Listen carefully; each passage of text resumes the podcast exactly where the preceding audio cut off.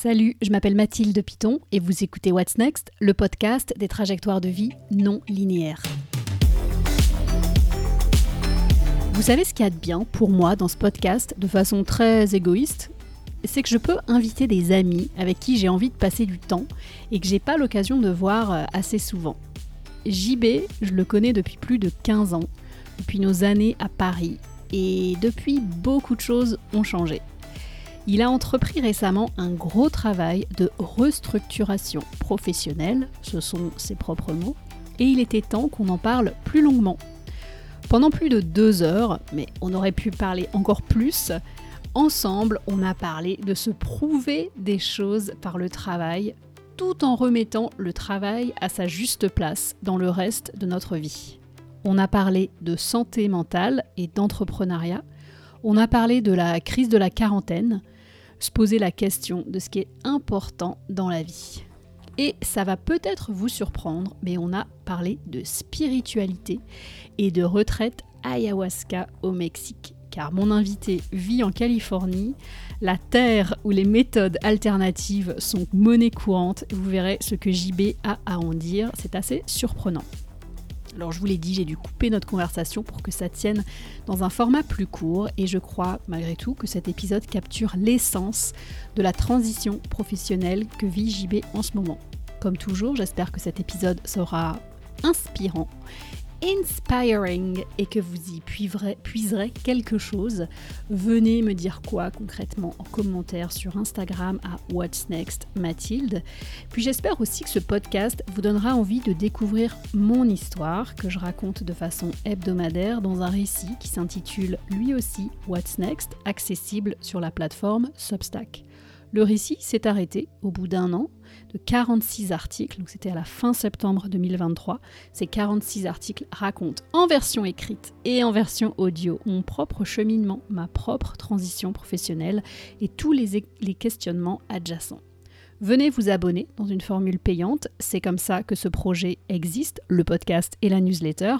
C'est comme ça que vous pouvez me montrer votre soutien et votre intérêt. Il faut aller sur whatsnextmathilde.substack.com. La saison 1, la saison 1 est terminée et sera en pause euh, très prochainement. Vous pouvez vous inscrire jusqu'au 15 octobre 2023. Si vous écoutez l'épisode après, en fait, ce sera possible très probablement à la rentrée, en janvier 2024. Je vais lancer la saison 2. Mais venez lire cette saison 1. N'attendez plus pour venir vous inscrire. Les liens sont dans le descriptif de cet épisode. Place à présent à ma conversation avec Jean-Baptiste. Salut JB Salut Mathilde Quand tu es en soirée, tu connais pas des gens et qui s'approchent vers toi et qui te disent Qu'est-ce que tu fais dans la vie? Comment est-ce que tu réponds à la question? Euh, bah déjà, je panique. C'est ma, première réaction. Alors en ce moment, c'est euh, un peu une, année de restructuration pour moi. Donc euh, la, façon dont, je réponds à cette question, ça va dépendre du mois dans lequel on est dans, lequel on est dans l'année. mais il y, a deux, il y a deux choses que je suis en train d'explorer en ce moment. C'est ma spiritualité. je ne pense pas que tu t'attendais à ça et mon renouveau professionnel. Et du coup, euh, du coup, quand on me pose la question en soirée, ça dépend de, ça dépend de la soirée. Oh my God. ça va être une ramification de réponses. Mon JB, qu'est-ce que tu fais dans la vie? Qu'est-ce que je fais dans la vie? Non, alors ok. Donc au, niveau professionnel, donc je suis en train de me concentrer en fait de voir comment utiliser la technologie euh, pour la santé mentale chez les jeunes. Attends, est-ce que tu peux répéter ça? Tu es en train d'utiliser, je vais le répéter en fait, tu es en train d'utiliser la technologie pour améliorer la santé des jeunes, la santé mentale des jeunes. Voilà, exactement. Donc, euh, si tu regardes un petit peu ce qui s'est passé depuis euh, ces dix dernières années, euh, il y a eu un gros, gros déclin de la santé mentale chez les jeunes, spécialement chez les, chez les jeunes filles, donc chez les jeunes filles entre 12 et 18 ans, avec un, un sentiment de dépression profond qui est passé de, on va dire de 30% à plus de 60% euh, des jeunes filles. Et c'est de penser qu'en fait, le suicide était une solution euh, efficace pour résoudre leurs problèmes, qui est passé de 15% à 35% de la population des, populations des jeunes filles. Et, Et donc voilà, et en fait, euh, pendant très longtemps, moi j'ai travaillé dans un domaine complètement différent, l'utilisation de l'AI AI et technologie dans tout ce qui est automatisation. Et j'étais arrivé à un point. Oh Tu vas déjà trop vite là. AI, intelligence artificielle. Ouais, ouais, AI, intelligence artificielle. Donc comment tu crées des machines intelligentes ou comment tu crées des systèmes qui peuvent, qui peuvent s'adapter en fonction, de, en fonction des, des, personnes, en fonction de l'environnement. Tu crées des programmes en fait qui ne sont pas statiques qui sont, euh, qui sont un petit peu dynamiques, si ça, si ça a du sens. Mais entre nous, on disait que tu faisais des robots qui faisaient le ménage. Ouais, ouais, ouais. de façon intelligente. Mais de façon intelligente, c'est ça. Donc imagine un Roomba, mais un Roomba géant. Ok. Qui, euh, qui était, euh, qui, était qui nettoyait des, des grandes surfaces. Alors, hein, public américain Walmart, public français Carrefour. Euh, et, donc voilà, donc tu peux pas faire un Roomba qui, euh, qui, va, qui va venir euh, se cogner contre les, contre les, contre les murs ou contre, les personnes, ça serait un petit peu pas terrible. Hein. C'est des machines de, pratiquement 500, entre 500 kg et une tonne. Et donc, il faut que ce soit un petit peu plus intelligent qu'un Roomba. Ok, alors je sens qu'on va se. Je vais essayer de me regrouper parce qu'on a déjà parlé de spiritualité, de renouveau professionnel, de technologie pour la santé mentale des jeunes filles, on a parlé de suicide, on a parlé de machines euh, intelligentes. je crois qu'il y a beaucoup de choses. depuis le début. on va peut-être reprendre depuis le début, ouais. Je pense que ça va, ça va aider à suivre. En fait, si je repars vraiment depuis le début, nous, on s'est rencontrés il y a plus de 15 ans à l'université Pierre et Marie Curie, Paris 6. Moi, j'y étais pas. Hein. C'était mmh mon conjoint Manu qui était en, doctorat avec toi. Euh, est-ce que tu peux, on va vraiment recommencer du début, mais qu'est-ce que tu as fait comme étude et qu'est-ce que tu faisais en doctorat à l'université Paris 6 Ok, donc euh, moi j'ai fait une école d'ingénieur en informatique. Mmh et après mon école, j'ai pris un an, euh, je suis parti voyager en Australie. Je suis revenu, je le fais court, je le fais court Mathilde. Ok, ok. Je, suis revenu et je ne savais pas quoi faire. Ben, il y avait quelque chose qui m'intéressait, c'est comment je pouvais utiliser l'informatique euh, pour la recherche, pour essayer de comprendre comment euh, fonctionnait le cerveau, pour faire, euh, à cette époque-là, l'intelligence artificielle, ça commençait à, reprendre un petit peu, hein, c'était en 2000, 2006, et ça m'intéressait. Donc j'ai fait un master, fait un master à, Orsay, parce que en fait, ce qui se passait avec une école d'ingénieur, tu pouvais très difficilement rejoindre le, cursus de recherche, donc il fallait que tu retournes à l'université pour pour reprendre des études. Donc j'ai fait un master 2 en IA, en neurobiologie, et ça m'a ouvert les portes de la recherche. Et donc je suis arrivé à Jussieu, donc euh, Pierre et Marie Curie, UPMC, euh, euh, pour faire un stage dans une équipe de neurobiologie qui en fait crée des modèles du cerveau pour essayer d'expliquer ce qui se passait en fait, comment, comment on traitait l'information. Donc quand je, quand je dis créer des modèles, euh, ce que je veux dire, c'est créer des petits programmes informatiques ou des gros programmes informatiques qui reproduisent certains fonctionnements de, euh, notre pensée ou de la façon dont l'information est traitée dans notre, dans notre cerveau. Et donc, c'est là que j'ai rencontré ton conjoint, Manu, Louis-Emmanuel Martinet. Est-ce que c'était aussi clair dans ta tête à l'époque que euh, c'était vraiment un centre d'intérêt presque philosophique, scientifique, de dire ouais, j'ai envie de comprendre comment le cerveau fonctionne pour te lancer dans ces études Ou est-ce que c'était plus quelque chose de pragmatique, genre bah faut bien que j'ai un travail, je vais faire quelque chose et je vais me lancer là-dedans? Non, c'était un, c'était un intérêt, c'était pas une passion, c'était, c'était, juste un intérêt. Je pense que il y a quelque chose qui m'intéressait pas du tout, c'était d'aller utiliser l'informatique pour travailler dans une banque. Ok. Euh, et du coup, j'ai essayé de trouver une façon d'utiliser mon, skill set, enfin mes, mes compétences, pour travailler sur quelque chose qui m'intéressait. J'avais une vision de la recherche, je me suis dit, je vais rencontrer des gens euh, très intelligents, euh, tu vois, qui sont, euh, qui sont dévoués dans leur travail, etc. Et je suis parti, je ne vais pas me faire des amis si on continue cette conversation. et donc, je suis, parti dans ce, je suis parti dans ce milieu en me disant, ça va être, ça va être, ça va être, très, ça va être intéressant, ça va être une partie intéressante de ma vie. Quoi. Tu fais donc ces trois ou peut-être quatre ans, je ne sais pas en combien de temps tu as fait ta thèse, mais tu, quand tu... Dis-moi en six mois.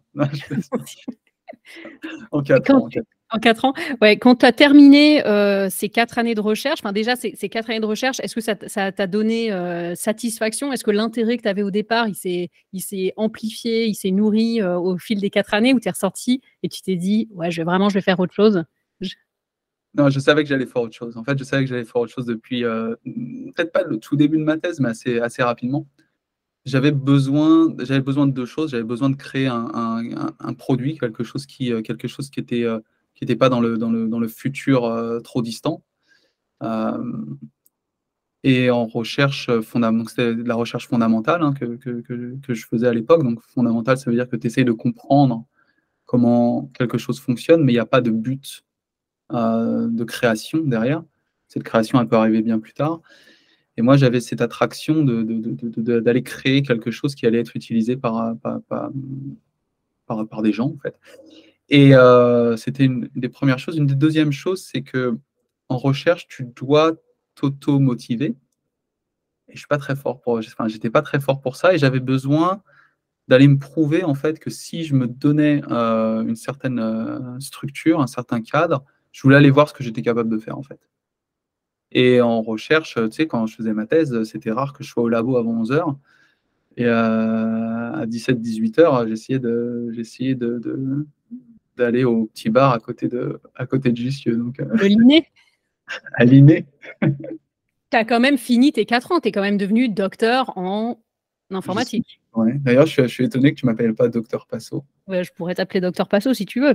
Euh, donc, en tout cas, tu as à peu près, tu arrives euh, vers la fin de ta vingtaine, euh, tu sais mmh. que tu ne peux pas travailler dans une banque, tu mmh. voudrais créer un produit, tu as un peu du mal à t'automotiver, mais quand tu es dans un cadre, ça peut plus ou moins marcher. Ouais. Et tu es intéressé par le cerveau, le fonctionnement du cerveau. Mm -mm.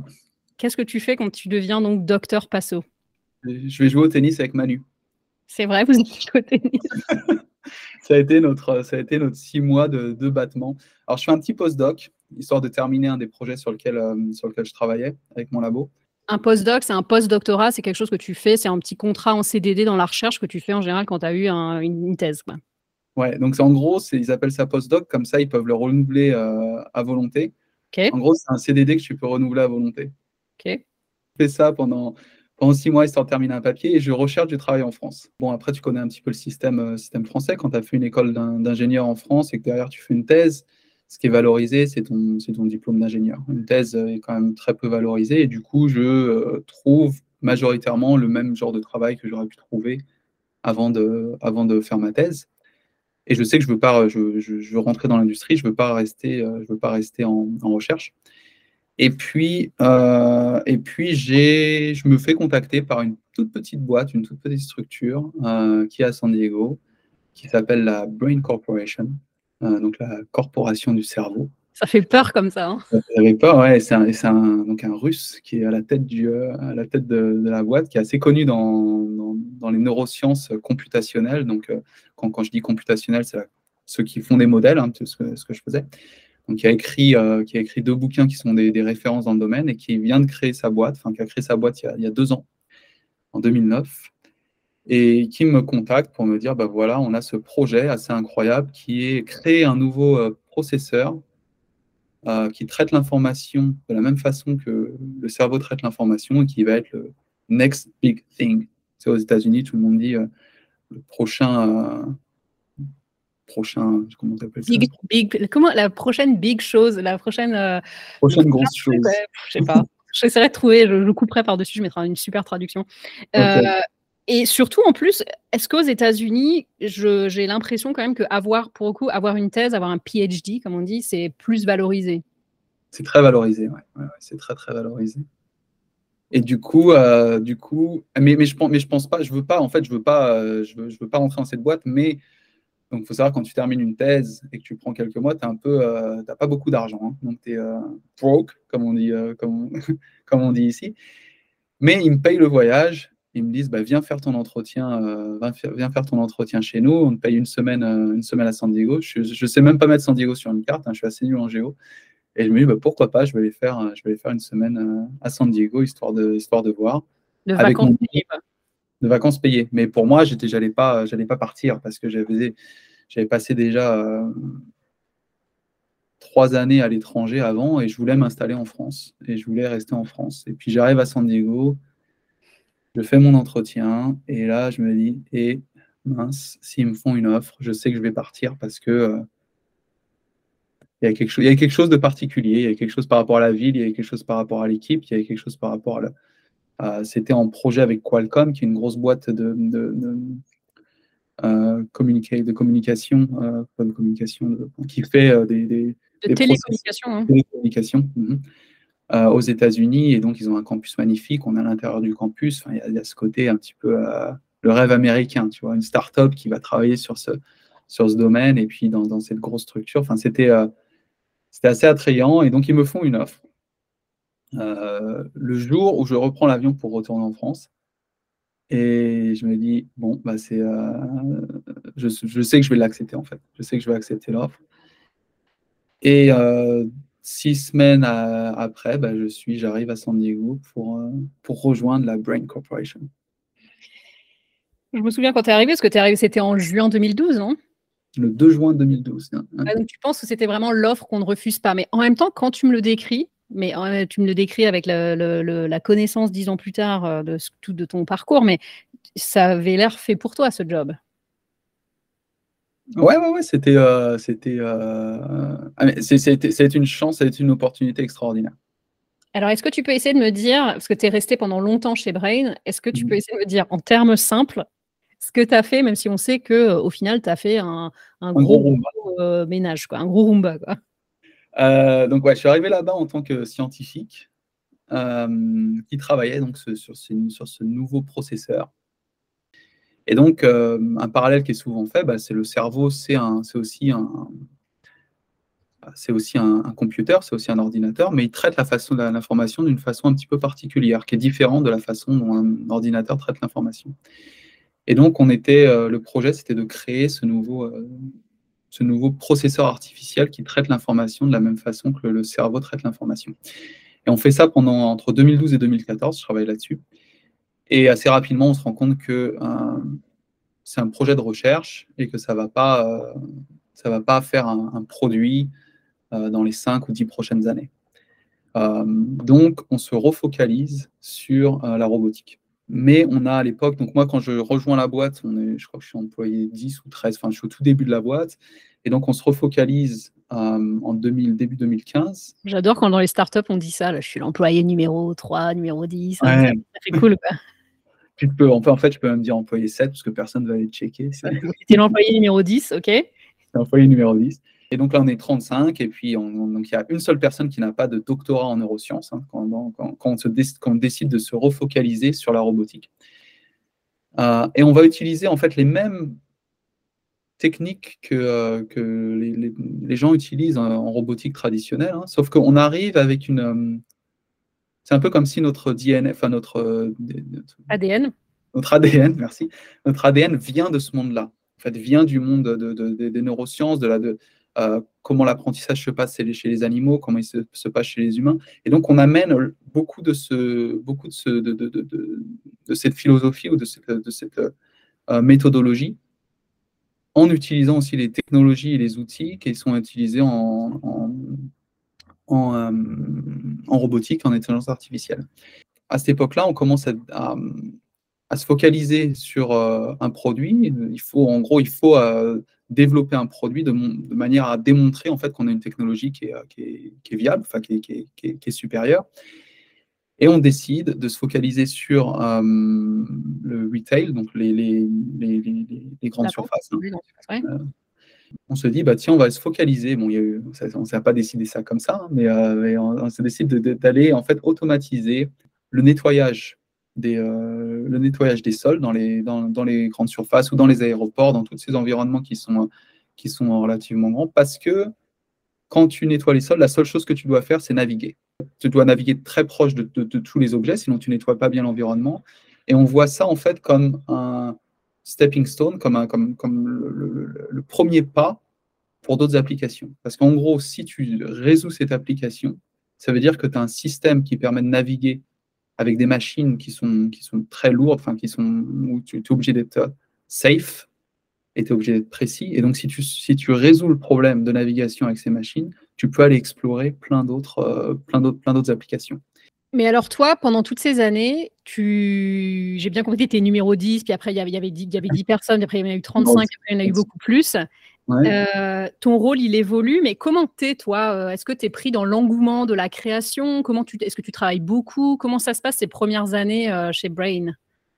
Ouais, ouais, je, travaille beaucoup. En fait, ma, en fait, si tu veux, ça me donne mon statut social se, se crée par rapport, au travail, par rapport au travail. Et donc, je suis fier de ce que je fais, je suis fier de, de, de, de, de, de mon, mon évolution professionnelle.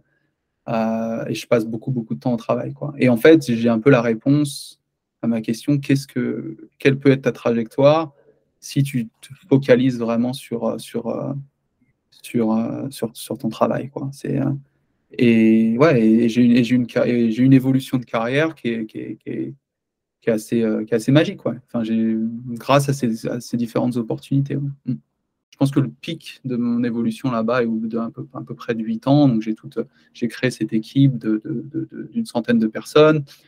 Ça se passe euh, très bien, mais j'arrête d'apprendre. c'est un peu comme s'il n'y a, plus cet apprentissage qui, qui, se fait et ça devient confortable. Et, euh, et puis, euh, je suis en train de me dire aussi, bon, bah, ça va être, il, serait temps pour moi d'aller euh, d'aller faire un petit peu ce que j'avais envie de faire depuis un petit moment, qui était créer ma propre, créer ma propre boîte. C'est quelque chose qu'on faisait aussi avec Manu à l'époque, hein, quand on, quand on, on faisait la liste des projets sur lesquels on voulait, on voulait travailler. On a retrouvé cette liste dernièrement bah, quand, je suis venu, quand je suis venu vous voir. Et on a lu la liste, c'était assez, assez intéressant. Et du coup, je me dis, bah, j'ai vraiment envie de créer, ma, propre structure parce que je sais euh, que, en fait, ce que ça m'a permis de voir, c'est que quand quelqu'un porte la vision et que je suis là pour exécuter, bah, je suis fort pour exécuter. donc ça, ça m'a permis, cette expérience m'a permis de voir ça. Et maintenant, quelque chose qui me fait, la nouvelle, en fait, le nouveau challenge, c'est est-ce que je peux porter moi-même la vision, euh, la, vision d'un produit? Et donc, cette idée d'avoir ma propre boîte commence à me, commence à me titiller, tu vois? Donc, au bout de la huitième année, et puis ensuite, là, il y a Covid qui arrive. Donc, ça crée, euh, ça crée des complications. En, gros, ça me prend deux ans pour partir de, pour partir de Brain. Je voudrais encore, j'ai des questions intermédiaires parce qu'il y a un truc dont on n'a pas parlé depuis le début, alors que c'est quand même un big deal. Enfin, on l'a, on l'a juste, on a juste laissé des petites, euh, des petits miettes de pain par-ci par-là, des breadcrumbs. C'est que mmh. San Diego, c'est en Californie. Et qu'est-ce que c'est de travailler en Californie? Enfin, est-ce que, Et de vivre en Californie Est-ce que c'est quelque chose aussi qui a contribué au fait euh, que tu restes finalement euh, longtemps? Parce que du coup, tu n'avais pas envie de vivre à l'étranger. Tu pars vivre à San Diego. Tu n'es pas resté deux ans. Tu es resté euh, jusqu'à jusqu'à aujourd'hui. Tu es toujours. Tu, est pourquoi tu restes en Californie? Enfin, J'habite à cinq minutes à pied de la mer. Tu as, as, le surf. As le, as il, il fait beau pas mais en même temps, tu bosses beaucoup. J'adore, mais j'adore mon travail.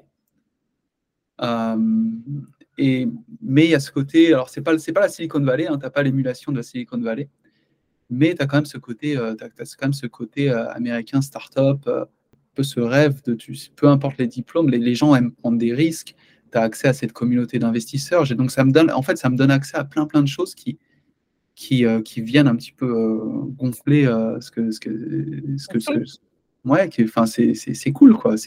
T'es pas loin du Mexique, tu es à 30 minutes en voiture du Mexique. Tu as Valle des Guadalupe qui est super pour aller, pour, pour aller découvrir les vins mexicains. Enfin, je sais pas, il y a tout un ensemble de choses. Tu bosses beaucoup, mais tu en profites quand même dans ton temps libre, ton peu de temps libre, tu en profites quand même. Ouais, ouais, ouais, je pense, oui, je pense que je pense que j'en profite. Après, c'est, euh, mais, mais ouais, je pense que beaucoup de mon, beaucoup de mon temps est dédié, euh, est dédié au travail et je fais, je, je fais des, enfin, il y a quand même des, des, choses pas cool que par rapport à ça. Hein, je réfléchissais à ça. Euh, bon, on n'a pas parlé de ma vie, ma, ma, vie personnelle, mais le, quand même le jour où, où, je me suis marié aux États, donc aux États-Unis à San Diego, on allait prendre un petit déj et le, je suis reparti au travail. Je suis bête. c'est quand même, c'est quand même euh, un, peu, dégueulasse, quoi. Tu t'es fait happer par, ce, par le mode de vie super busy euh, à l'américaine, quoi. Bah, pour, pour aucune bonne raison. Enfin, c'est, il n'y a pas de. Donc bon, enfin, c'est, c'est pour te montrer un petit peu le côté, euh, le côté ambivalent, le côté mmh. où ça peut, où ça peut aller des deux côtés, quoi. Enfin, c'est pas. Puis tu vois, tu dis aussi un truc, hein, tu dis donc je comprends tout à fait le côté, tu as dit j'arrête d'apprendre et puis c'était devenu confortable. Pour certaines personnes, euh, ça c'est génial. quoi. Enfin, tu arrêtes d'apprendre, tu sais, euh, tu sais ce que tu as à mmh savoir, euh, et puis c'est confortable. Ben, tu vois, c'est pas nécessairement quelque chose de négatif. On pourrait dire, ben, je sais, je maîtrise mon travail, je, je, peux un peu cruiser, quoi. Mais toi, c'était pas quelque chose. Tu avais quand même ce, ce, côté, je veux créer cette boîte. C'est, ça t'a rattrapé, quoi. Ouais, ça m'a rattrapé. Je pense que ce côté challenge, est, ce côté de se dire est-ce que j'ai en moi la force de porter un projet quand le projet n'est pas porté par d'autres personnes? Et ça demande, ça demande un ensemble de compétences qui est très différent quand tu dois l'exécuter. Je pense que as, dû, tu dois avoir les mêmes, le même genre. Enfin, quand tu crées quelque chose, ces questionnements, ces doutes, ils sont, ils sont, ils sont, ils sont là souvent, en fait. Et il y a des personnes qui sont très fortes pour aller au-delà de ces doutes ou qui, en gros, prennent en considération ces doutes et, et continuent. Et hum, pour moi, c'est quelque chose de très compliqué. Et du coup, je voulais, me, je voulais, faire, face, je voulais faire face à ça. Quoi. Donc, euh, je savais qu'il y allait avoir un temps où je devais, où je devais faire face à ces, à ces peurs. Mais tout est, enfin, c'est lié, ça va être lié à la spiritualité, ça va être lié à plein, plein de choses. Ah hein, là là, on va y arriver. et, euh, mais, euh, et du coup, donc du coup, j'en parle à mon, à, mon, PDG, mais très, mais très tôt. Je crois que je me parle en 2000, en 2000 ou 2001. Je lui dis, écoute, ça va être en 2000, en 2000. Hein, allez, non, non, non, pas en 2000. 2020, 2020. 2020, ouais. En 2020, je lui dis, je lui dis déjà, euh, Eugene, enfin, je vais, je vais devoir partir à un moment donné, quoi. Mais pour moi, c'est Brain, Brain Corp, c'était un peu mon bébé aussi. Hein. Enfin, tu sais, c'était, c'était dur de partir, quoi. Donc, je veux m'assurer en fait que le, que la boîte est en, position de, de, de, de, de succès. De sortir sans toi? Et c'est ce qui est, ce qui est hyper. Enfin, quand, quand j'y, quand j'y pense, c'est quand même assez, euh, assez égo, égo, égocentrique. mais non, mais en même temps, je comprends quand tu te dis tu veux pas laisser les autres dans la merde, quoi. Tu veux que quand tu partes, euh, ça continue de rouler. Oui, on peut dire oui, tout le monde est remplaçable, machin, mais quand même, si toi, tu as, quand même un certain savoir euh, à transmettre. Mais, ouais. mais, tout le monde est remplaçable. et en fait, les, choses se passent beaucoup plus facilement qu'on ce qu'on pense. Hein. Tu sais, moi, j'ai perdu des, enfin, des, personnes qui, sont, qui étaient dans la boîte où je me disais si, si ces personnes partent, ça va être un chaos. Euh, on n'arrivera jamais à se relever ça va, ça passe.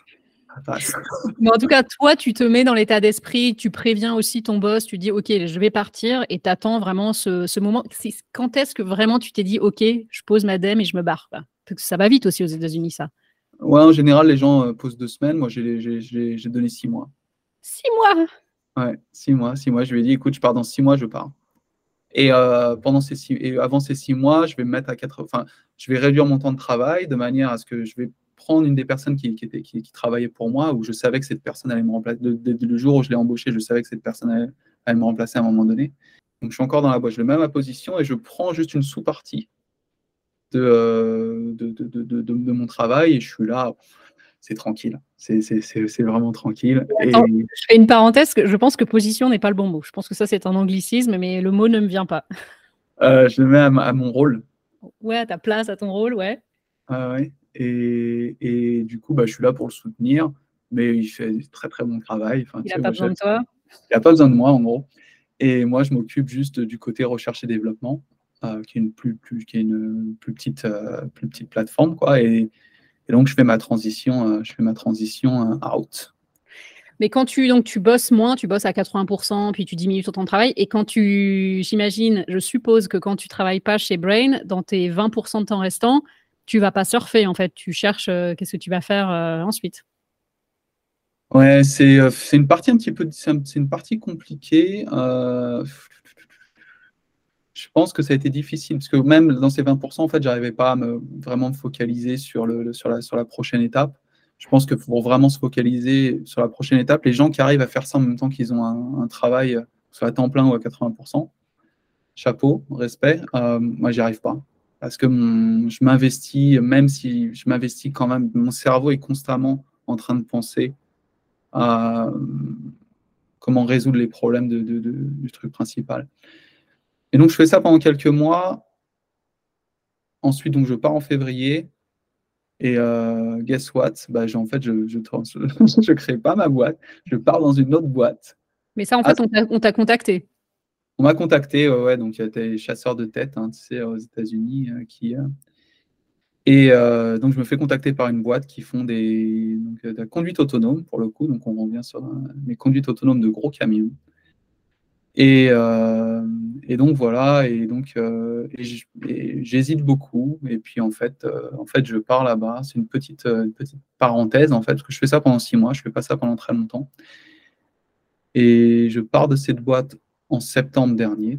Mais quand tu commences, tu savais pas, tu te disais, tu savais pas nécessairement que ça allait être une parenthèse. Tu t'es dit bon, peut-être ça y est, c'est encore mes dix ans avant de monter ma prochaine boîte.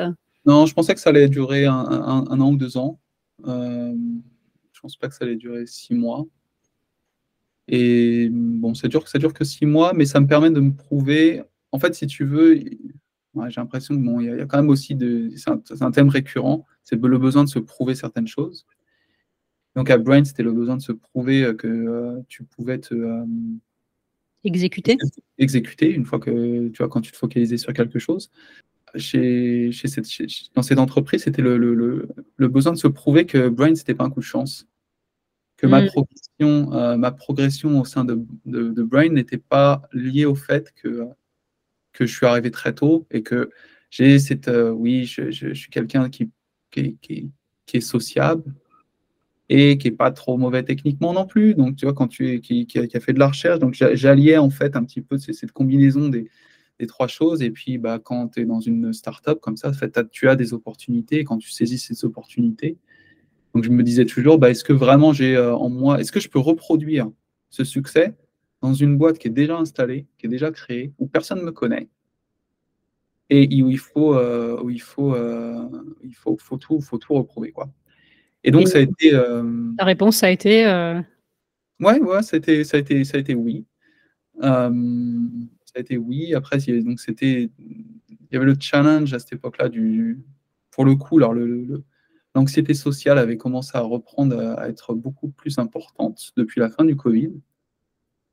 Euh, et donc, quand je suis rentré dans cette boîte, j'étais, euh, j'étais sous Zoloft, qui est un antidépresseur euh, pour l'anxiété. Donc, c'est très petite dose pour l'anxiété sociale. Hein. Et aussi, dès que j'avais une, une, interaction euh, avec... Euh, en fait, c'était devenu... Donc, à l'époque, mon anxiété sociale, c'était vraiment sur les euh, public speaking. Donc, en, gros, tu arrives devant... Parler en public, ouais. En public, où tu arrives devant des personnes que tu... Que tu un groupe de 50 personnes que tu ne connais pas. Donc, ça me mettait... ça pouvait aller sur des mini panic attaques. Hein. Et là, le problème, c'est que c'était devenu n'importe quelle interaction. Même en petit groupe, quoi. Même en petit groupe, même sur des amis. Et moi, c'était arrivé à un niveau où chaque fois que j'avais cette réponse qui commençait, plutôt qu'elle diminue au bout de quelques minutes, bah, elle spikait, mais enfin, elle, elle, montait d'un côté qui était plus gérable. Il fallait, fallait que je m'échappe. Tu penses que, là c'est peut-être peut trop personnel, on n'était pas obligé de répondre, mais tu penses que tu avais, avais, ce terreau d'anxiété sociale et ça a été amplifié par la pandémie, le fait d'avoir vu euh, beaucoup moins de monde pendant un an euh, c'était, ce, travail, le travail à la maison, tu as, un peu créé ça, quoi? Donc, je pense que l'anxiété sociale a toujours été, toujours été présente. Je pense que, alors je pense pas que ce soit exactement le, ce soit exactement la pandémie qui a fait, qui a fait ça. Pour moi, peut-être que ça n'a rien arrangé. Je pense que ce qui a créé euh, deux choses. Je pensais que, en fait, le fait quand tu as ces conversations et que tu es assis et que tu es sur, tu es sur Zoom, on peut imaginer que c'est plus simple. En fait, c'est beaucoup plus compliqué. Parce que euh, ce, qui euh, ce qui crée en fait ces, événements, c'est le fait que tu sois dans ta tête, en fait, que tu sois pas dans ton corps, d'accord? Que tu sois pas dans le moment présent. Et en fait, quand tu es debout et que tu te déplaces, tu as certaines sensations qui. Euh, as certaines sensations. Tu as, la sensation de, tes pieds sur le sol, tu, vas, tu peux respirer, tu peux bouger. Et donc, ça te permet de, de, revenir dans ton corps beaucoup plus facilement. Quand tu es sur Zoom, tu es dans ta tête, tu es, statique, es, donc il faut que tu trouves des, des, façons de de, de, de, réduire ça. Puis il y a aussi d'autres choses, je pense que à l'époque, on, on avait besoin aussi d'avoir un, CTO, un chef technologique qui était, qui était réputé, enfin qui avait, et donc on embauche un, CTO, et donc ça me met dans une position où je suis, j'ai plus la même, je, je, dois répondre à quelqu'un en fait, et ça, ça m'enlève ce, ce, ce pouvoir et cette relation au pouvoir est aussi quelque chose qui revient et qui me, qui me met dans, des, dans, dans une situation d'anxiété. De, donc je pense qu'il y, a différentes choses. Mais du coup, donc je commence dans cette nouvelle boîte avec, euh, bah, en prenant ces... En prenant ces euh, bah, je suis sur Zoloft et je prends, dès que j'ai un meeting avec quelqu'un, je suis obligé de prendre un truc de propanolone 30 minutes avant, histoire de ne pas avoir les effets de l'adrénaline. Donc, c'est, ça enlève un petit peu de spontanéité à ta, vie. Ouais. Et, bon, tu t'es pas resté dans cette compagnie de, de, camions, si je, si je la résume à ça. Et est-ce que là, au bout des six mois, ça y est, c'est le moment où tu te dis, je vais bosser sur, vraiment sur mon projet, sur mon projet de start-up? Ouais. Et ma première question, c'est comment, tu comment tu finances ta vie de tous les jours? Parce que c'est pas rien. Parce qu'en France, j'ai l'impression qu'on peut s'arranger pour avoir une, je sais pas comment ça s'appelle, mais des, aides et compagnie pour monter sa boîte. Aux États-Unis, c'est pas trop le cas. Comment on fait pour vivre? Eh ben, bah, moi, j'ai eu énormément de chance. Hein. j'ai, ça fait, j'ai, très bien gagné ma vie pendant, pendant plusieurs années avant de, pouvoir prendre cette pause. Et du coup, j'ai mis de côté pour, pour pouvoir me donner un an et demi, deux ans. Tu avais anticipé ça, quoi Ouais, ouais j'avais, j'avais, j'avais de l'argent de côté. Et donc, je me, je me, suis dit, bah, tiens, je vais utiliser cet argent pour faire ça et pouvoir continuer à avoir un, un rythme de vie qui était. Alors, j'ai réduit mon rythme de vie. Hein.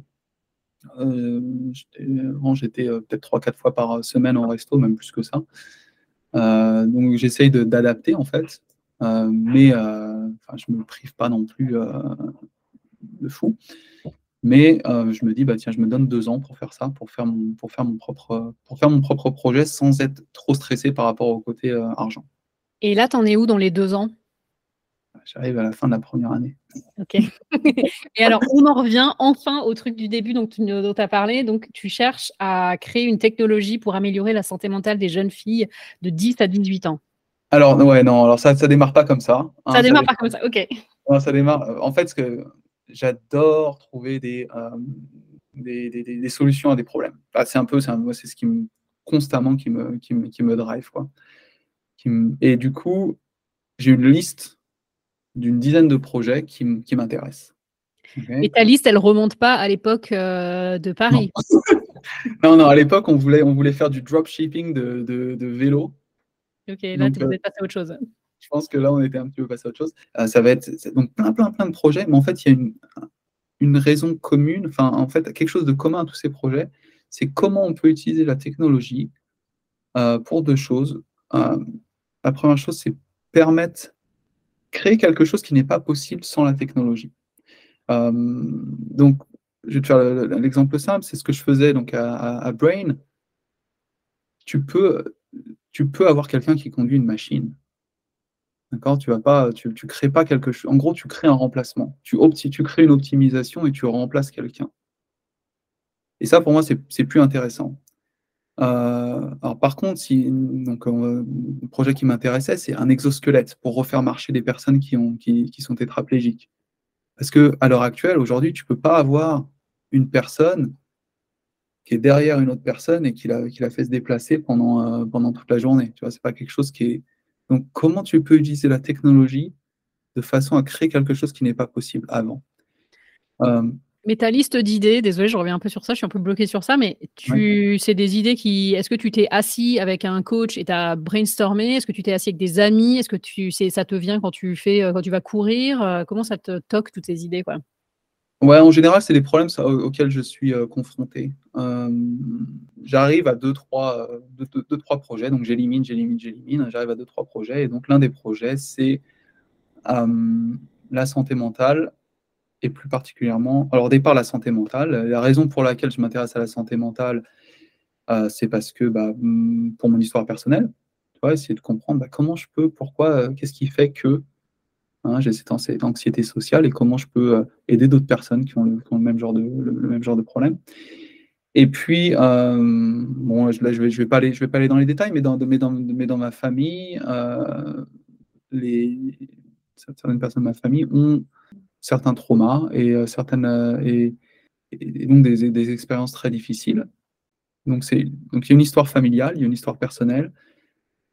Et début février, donc il y a un article qui, qui sort euh, qui regarde en fait les dix dernières années et le, le, le, déclin de la santé mentale chez les, chez les jeunes filles. Et je me dis, bah. Tu fais référence à un gros article qui est sorti dans le New York Times. Non, je fais, alors, le New York, ça a été repris par plein, plein, plein, plein, plein, plein, d'articles. Je fais référence à, euh, je, suis en train, je, je blingue sur le, je t'enverrai l'article. Mais un article scientifique. Ah, ah, c'est gouvernemental. Donc, qui regarde en fait toutes les, tous les 10 ans, qui regarde à l'évolution de, différentes choses. Là, c'était sur la santé mentale et qui dépeint en fait la situation, qui est une situation assez horrible. Et donc, je me dis, bah, tiens, ça m'intéresse je vais aller voir si mes compétences, je peux aller utiliser mes compétences pour aider à ce niveau-là. Donc là, je commence à, à faire du brainstorming avec euh, moi-même. Brainstorming, je commence à aller pitcher mes idées à droite à gauche et c'est quelque chose qui est, compliqué, quoi, parce que tu, je, suis personne en fait, je, je, je, suis personne dans ce domaine. Et donc, euh, j'essaye de discuter avec des gens qui sont experts du domaine et j'arrive et je suis bah, Jean-Baptiste, 40 euh, ans, pas d'enfant et je veux aider les, jeunes filles. Mais attends, tu sais, tu avais dit quand tu étais en thèse qu'il y avait quelque chose qui, qui était dur pour toi, c'était de t'automotiver. Alors, certes, tu as, eu 10 ans entre-temps euh, quand tu étais chez Brain et puis dans ton autre entreprise de camion, d'apprendre à être motivé, mais dans un cadre, quand du jour au lendemain, ou presque, c'est comme une idée qui a mûri, tu te retrouves euh, bah, tout seul avec ton projet, mmh comment tu arrives à créer un cadre propice au travail? Parce que la motivation, des fois, j'ai l'impression que ça suffit pas, quoi. Ah ouais, non, c'est bah, c'est ouais, c'est compliqué, ouais, c'est compliqué, mais je mets en place certaines choses qui me permettent en fait de, de, te donner une créer certaines créer, créer, certaines habitudes en fait, tu vois, te lever te lever à un certain, une certaine heure. Là, j'ai aussi pris un, un, bureau à WeWork de manière à aller coworking, ouais. coworking space de manière à avoir un espace de euh, un espace de travail. Je me donne euh, je suis certaines méthodologies que je suivais en fait, en fait, qui sont très faciles en fait quand quelqu'un une vision quelque part et c'est très facile pour moi de suivre. Et d'un seul coup là, je, là, je suis seul et il faut, il faut, que, il faut que je, faut que je développe ça, je développe ça pour moi quoi. Mais c'est encore quelque chose sur lequel euh, qui, qui, est difficile. Hein. Comment tu te euh, rends accountable? Donc, comment tu te comment tu te, tu te rendais compte à toi-même? Ouais, ouais, ouais, ouais. c'est quelque chose de compliqué, mais qui est mon prochain, qui est mon nouveau défi, si tu veux et donc, je n'ai pas, pas exactement la réponse à ta question, parce que je, honnêtement, tu vois, je continue à, je continue à explorer comment, comment tu fais ça et comment tu te, comment tu t'éparpilles pas aussi. C'est hyper compliqué. Parce que moi, je pense que au fond moi, ce que j'aime, c'est inventer. D'accord? Et donc, dès qu'il y a un problème, dès qu'il y a quelque chose, j'aime résoudre ce problème. Et le côté ensuite, euh, le côté ensuite, bah, se, se porter la vision, c'est pas quelque chose que, j'ai dans mes gènes et c'est quelque chose qu'il faut que j'apprenne. Il faut c'est quelque chose où il faut que je me il euh, crée des partenariats avec d'autres personnes qui peuvent m'aider à, à, pour moi rendre des comptes ou à, ou à porter cette vision. C'est tout, euh, toutes ces choses là se développent en fait. Mais alors attends, il y a trois choses qui m'intéressent. J'essaye de canaliser tout ce qu'on dit je vais. Il y a plusieurs choses que tu as mentionnées. Tu as mentionné le fait d'avoir 40 ans, même si je crois que là, maintenant, tu as 41 ans. Et De quoi? On dirait pas. Non, non, non, dirait pas. Ben, c'est pas mal en même temps d'avoir 41 ans. Euh, as, voilà, tu as 41 ans, tu as passé la barre des 40 ans. Tu, je le redis une autre fois. Euh, et puis, tu as parlé au tout début de la spiritualité. Ouais. Et la dernière chose que je voudrais te demander, mais je ne vais pas trop éparpiller, c'est qu'est-ce que tu fais concrètement? Parce que tu as commencé à dire que tu faisais des interviews. Est-ce que tu peux, euh, est-ce que tu penses que c'est ce, changement dans ta vie, le fait de dire OK, brain, c'est fini, euh, je, je, je je vais faire, euh, je vais me lancer dans une boîte. Est-ce que c'est un lien avec le fait que tu es que 40 ans? Comment t'articules ce fait oui, oui, Je, je, pense qu'il y, a, je pense qu'il y a plein de choses qui sont passées. Enfin, pour le coup, la crise de la quarantaine, je pense que je l'ai bien vécu. Hein. Euh, mais tu as ce côté, mais c'est plus le côté où tu te, tu te rends compte qu'est-ce qui est important dans la vie. Tu te poses vraiment la question qu'est-ce qui, est important? Et c'est là qu'on rejoint la question spirituelle ou pas?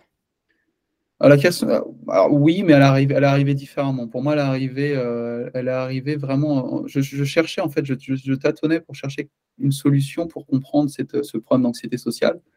En fait, je sais d'où il, enfin, je, je, sais d'où il vient, de quel trauma il vient, si tu veux. Enfin, je ne vais pas, je vais pas l'expliquer ici, mais, euh, mais savoir n'est pas, pas suffisant. Et du coup, euh, comment, comment, je peux, comment je peux le résoudre en fait? Comment Et du coup, euh, il y a, des, quelque chose qui, devient, enfin, qui est devenu à la mode depuis une dizaine d'années, qui sont ces retraites, retraites ayahuasca.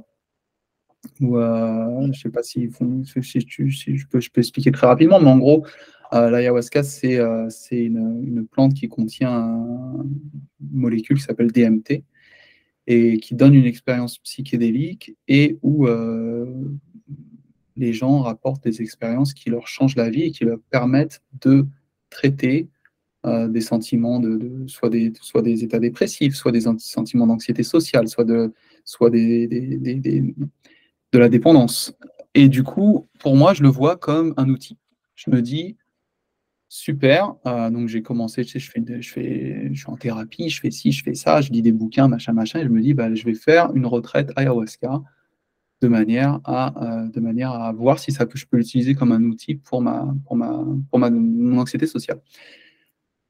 Et en tant que neuroscientifique, je me dis, de toute façon, je sais comment le cerveau fonctionne, j'ai quelques connaissances de comment le cerveau fonctionne, donc quoi qu'il arrive, je, peux je pourrais l'expliquer, je sais que je le vois juste comme un outil, comme un outil qui peut, être, qui, peut, qui peut m'aider. Et donc, je pars en avril euh, faire une retraite au Mexique, euh, donc une retraite euh, psychédélique.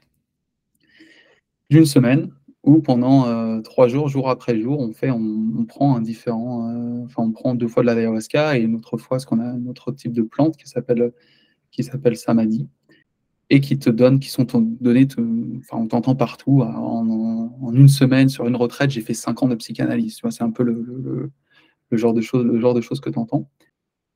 Je pourrais jamais passer, euh, me passer cinq ans de ma psy, moi. Mmh bah, peut-être tu devrais tenter une... Tu devrais venir avec moi, j'y retourne vendredi d'ailleurs. je continue de t'écouter, je suis là pour parler de toi.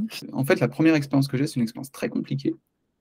Euh, donc c'est le quand j'arrive le vendredi, c'est une expérience très très compliquée, très physique, mais pas du tout spirituelle.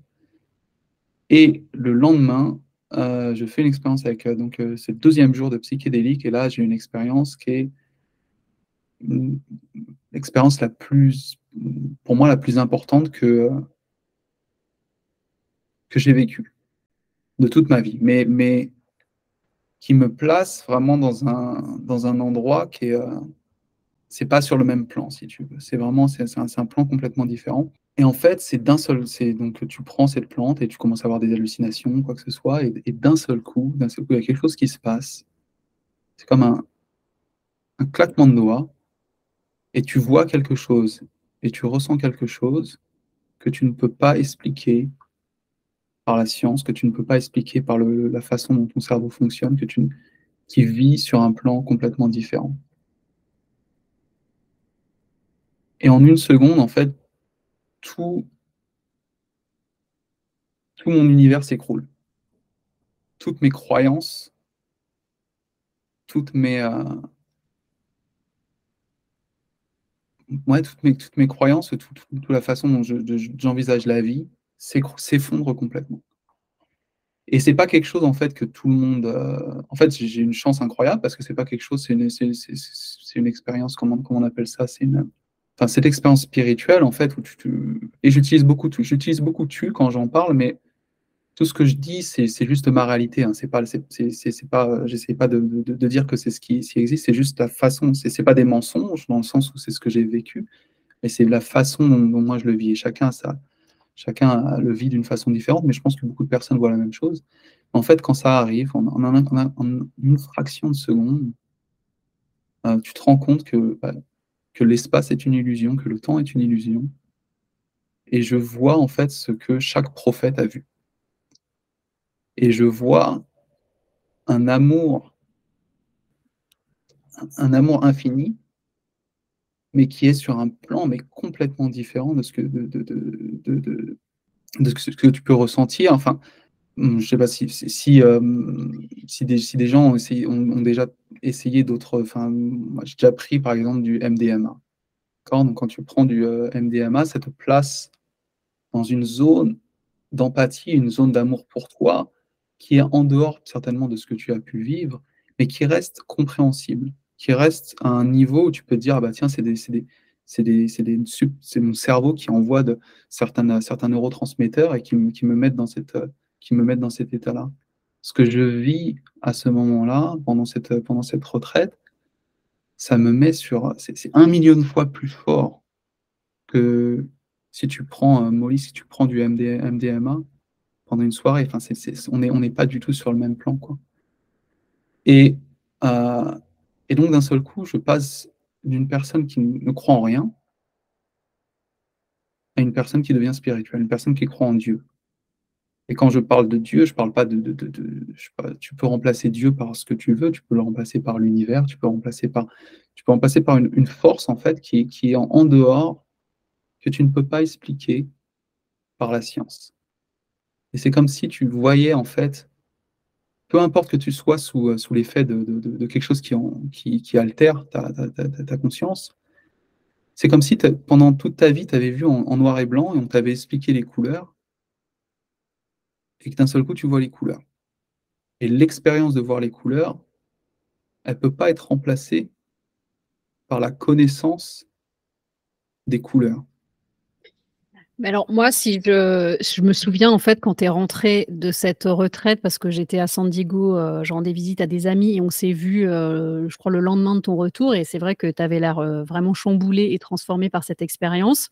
Mmh. Est-ce que je peux poser une question très terre à terre C'est comment est-ce mmh. que tu rattaches ça aujourd'hui à ta recherche de ta prochaine aventure professionnelle? Comment est-ce que la quête, cette découverte spirituelle, elle s'intègre dans, dans ton questionnement professionnel? Euh, je pense que c'est plus c'est plus, en fait, c'est l'inverse qui se passe. C'est mon questionnement professionnel qui, qui s'attache à cette, à cette recherche spirituelle parce que je pense que ça me permet en fait de comprendre certaines choses sur euh, certaines peurs que j'ai et, euh, et, certaines relations avec différentes, différentes choses, quoi. Mais, mais cette recherche de, cette, cette, difficulté en fait à se, porter un projet, cette difficulté à, à, porter une idée, à pas être juste l'exécutionneur, enfin la personne qui exécute cette idée, vient trouver beaucoup, de, est très lié en fait à cette expérience. Enfin, il y a beaucoup, énormément de réponses qui commencent à arriver à la suite, à la suite de cette, à la suite de cette expérience. Donc tu dirais que c'est, si je, je, je, vais reformuler, mais tu me dis si c'est juste, c'est, tu avais des blocages euh, personnel. Là, tu as parlé de ton anxiété sociale. Tu peut-être, as peut-être d'autres blocages pour vraiment te lancer dans le fait d'être le leader de la vision de ton entreprise, ta prochaine entreprise. Et ça, en fait, euh, ça, t'aide à dépasser ces obstacles. Ouais, ça t'aide à voir ce qui, ça t'aide, ça t'aide à voir ce qui est important. Euh, ça t'aide à, au départ, j'ai choisi, j'ai choisi ce, le, sujet de, le sujet de, de, de m'intéresser. Euh, à la santé mentale chez les jeunes filles, euh, je le faisais parce que j'avais l'impression que pour être heureux, il fallait que je m'attache à un projet qui était plus grand que moi. D'accord? Et que si j'avais une raison, si j'avais une raison plus forte et moins égoïste, bah, je pourrais atteindre, je pourrais atteindre un, vrai bonheur, tu vois? Et euh, en fait, cette expérience me montre que c'est, enfin, c'est c'est pas c'est pas c'est pas le cas c'est pas comme ça que tu vas c'est pas comme ça que tu vas chercher le bonheur. Ça me donne aussi beaucoup de réponses par rapport à euh, comment vivre une vie heureuse quel est le sens de la vie comment donc il y a énormément de choses qui viennent et ça attache et ça donne aussi beaucoup moins de ça t'enlève aussi une certaine pression par rapport à par rapport à ces, ces questions que tu, qui sont souvent fondamentales. C'est quel, quel doit être mon prochain la prochaine chose sur laquelle je travaille. Il faut que ce soit la chose la plus importante. Il faut que ce soit euh, il faut que ça donne un sens à ma vie. Et en fait, pas du tout. Enfin, c'est pas, c'est pas, c'est pas comme ça en fait que tu vas. C'est pas comme ça que tu vas. Enfin, je parle pour moi encore. Hein, c'est pas comme ça que tu vas atteindre le, euh, que tu vas atteindre le, que tu vas atteindre le bonheur. Et donc ça ouvre, euh, pour moi, bah, cette expérience ouvre une porte, tu vois, une, porte d'exploration euh, de, de, mon côté spirituel et qui est difficile à refermer. Qui est difficile parce que d'un seul coup, tu ouvres. C'est comme si tu avais vécu en fait où tu focalisé juste sur quelque chose de, très narrow, de très euh, étroit, étroit, Et d'un seul coup, tu, tu, tu, te rends compte qu'il y a tellement de portes à aller ouvrir et explorer euh, que tu as envie d'aller envie d'aller ouvrir ces portes et tu as envie d'aller explorer ces portes et d'avoir moins de jugement et moins de, moins de, moins de biais en fait sur ces, sur, sur, sur, ces expériences. Quoi. Bah, la preuve, tu y retournes déjà, tu dis euh, vendredi. Ouais, ouais, ouais, et à chaque fois, c'est une une une une suite d'exploration, si tu veux. C'est une nouvelle, heu, une nouvelle phase de l'exploration qui, hem, ouais, qui est hyper intéressant. Et pour le coup, moi, pour le coup, je peux le dire, moi, ça m'a permis enfin, il y a énormément de changements qui sont arrivés après cette, heu, après cette 1re expérience et des des portes que j'ai pu fermer, que j'arrivais pas que que pas à fermer. Ça ça m'a énormément aidé, ouais. Et pas uniquement sur l'anxiété sociale, sur plein, plein de choses, heu, sur plein d'autres choses. Je voulais toujours avoir ma start-up. Je voulais embaucher, je voulais je voulais avoir, heu, je voulais, heu, lever des fonds pour pouvoir avoir, pour pouvoir avoir une équipe, tu vois? Et dire que c'est moi qui l'ai fait. Ça, ça a complètement disparu. C'est pas si, si la si la façon de développer cette application, c'est d'embaucher, très bien. Mais l'objectif, c'est pas de créer une start-up pour créer une start-up. L'objectif, c'est juste à l'he à l'heure actuelle et donc je peut-être je peux te parler peut-être, de de le projet sur lequel, un des un des projets principaux sur lesquels je travaille à l'heure actuelle, c'est un projet de de de self compassion. Donc, heu, c'est, hem De compassion pour soi? compassion pour soi, ouais, en gros, c'est, hem si tu veux, qu'on soit, hem, petit ou qu'on soit adulte, on a tous on a tous ce ce, alors je sais pas comment dire en français, ce inner bully, ce ce ce ce comment tu dis bully en Ah! Le bully, c'est, heu, je sais qu'il y a pas un mot direct, c'est celui qui te qui te, qui c'est pas qui t'agresse, c'est celui qui te harcèle, le harceleur ouais. intérieur. Ouais, c'est celui, en fait, qui vient qui vient te juger en permanence, qui vient te dire: «C'est pas bien» et cetera. Et donc ce qui est c'est c'est curieux, c'est que souvent on a on a tendance à traiter nos amis avec beaucoup de compassion mais c'est très difficile de se traiter soi-même avec la même compassion. Et ça, c'est chez les adultes, mais c'est aussi chez les enfants. Et hem et en fait, utiliser donc la compassion pour soi-même, donc la self compassion, ça te permet de développer, heu, certaines techniques, une certaine résistance. En fait, ça t'apprend à être aussi ton meilleur ami et te voir comme ton, ton meilleur ami et ne pas être constamment dans le jugement. En fait, de voilà, de traiter la même façon que tu traitais les les gens que tu que tu aimes autour de toi. Et en fait, si tu peux apprendre, heu, ces techniques relativement tôt chez les, heu, chez les jeunes chez les jeunes enfants, heu, donc là, je travaille sur un sur un projet avec une école, à la à La heu, où on a fait un workshop. Donc je travaille avec aussi avec, une une une auteure, qui a écrit un livre, de de techniques, en fait, pour les c'est un workbook pour les enfants avec une centaine d'activités, heu, en self compassion. Et on fait un workshop, donc un workshop, c'est un atelier, en fait, où on va dans ces on va dans ces écoles et on apprend aux enfants, heu, chaque semaine, une technique de enfin, un point de la un différents domaines de self compassion. En gros, c'est comment tu peux, heu apprendre à être ton meilleur ami assez tôt, de manière à ce que quand l'adolescence va arriver, où tu vas être confronté, en fait, parce que souvent on dit que la technologie, ça a apporté beaucoup de de de points négatifs, hein, pour la santé mentale et c'est vrai, enfin, il y a énormément de technologies que In Instagram chez les jeunes filles, mais c'est juste ignoble, c'est terrible. Mais ça va pas va pas partir. D'un seul coup, on va pas enlever Instagram, quoi. Donc, heu, comment, en fait, on comment on peut faire en sorte donner les clés, donner les outils à ces enfants de manière à ce qu'ils puissent créer des des bah, systèmes de ma de manière à pas rentrer dans le dans les mêmes schémas, quoi et de et surtout de ne pas, heu, imaginer le suicide comme une solution efficace à leurs à leurs problèmes. Parce que donc, aux États-Unis, 15 % des jeunes filles font une tentative de suicide. Ouais, c'est dingue comme chiffre, quoi. C'est hallucinant. Enfin bref, comment on peut être proactif là-dessus? Et donc, ce projet, c'est à la fois un projet d'éducation, donc, heu, où tu vas dans les écoles et tu apprends à tu tu tu fais ce ce workshop, cet atelier et aussi, heu voir comment tu peux on peut prendre ce contenu et le rendre plus accessible via la technologie. Donc en fait, c'est comment tu peux utiliser la d'aimer des outils qui s'utilisent déjà et où ils sont déjà engagés pour leur apprendre quelque chose de positif. Et donc ça fait partie de ma recherche de de de de de mon projet, hein, c'est comment tu peux utiliser la technologie pour des choses un petit peu plus positives que ce qu'on a pu utiliser à l'heure actuelle. Je vais, heu, te poser quelques questions, heu, de la fin. Mmh mh. On a discuté un long moment et mais une de mes questions, heu, finales, c'est, heu, la place du travail dans ta vie. J'ai l'impression qu'il y a peut-être un avant et un après, heu, ta découverte spirituelle, mais est-ce que dans quelle mesure travailler, c'est important pour toi? Euh, ouais, il y, a un avant, un après. Euh, je pense que le. Alors, je continue à. Je continue à. J'ai beaucoup de plaisir hein, euh, de, par mon travail, hein, parce que ça, ça me permet d'apprendre plein de choses, ça me permet de rencontrer plein de, plein de, plein de personnes.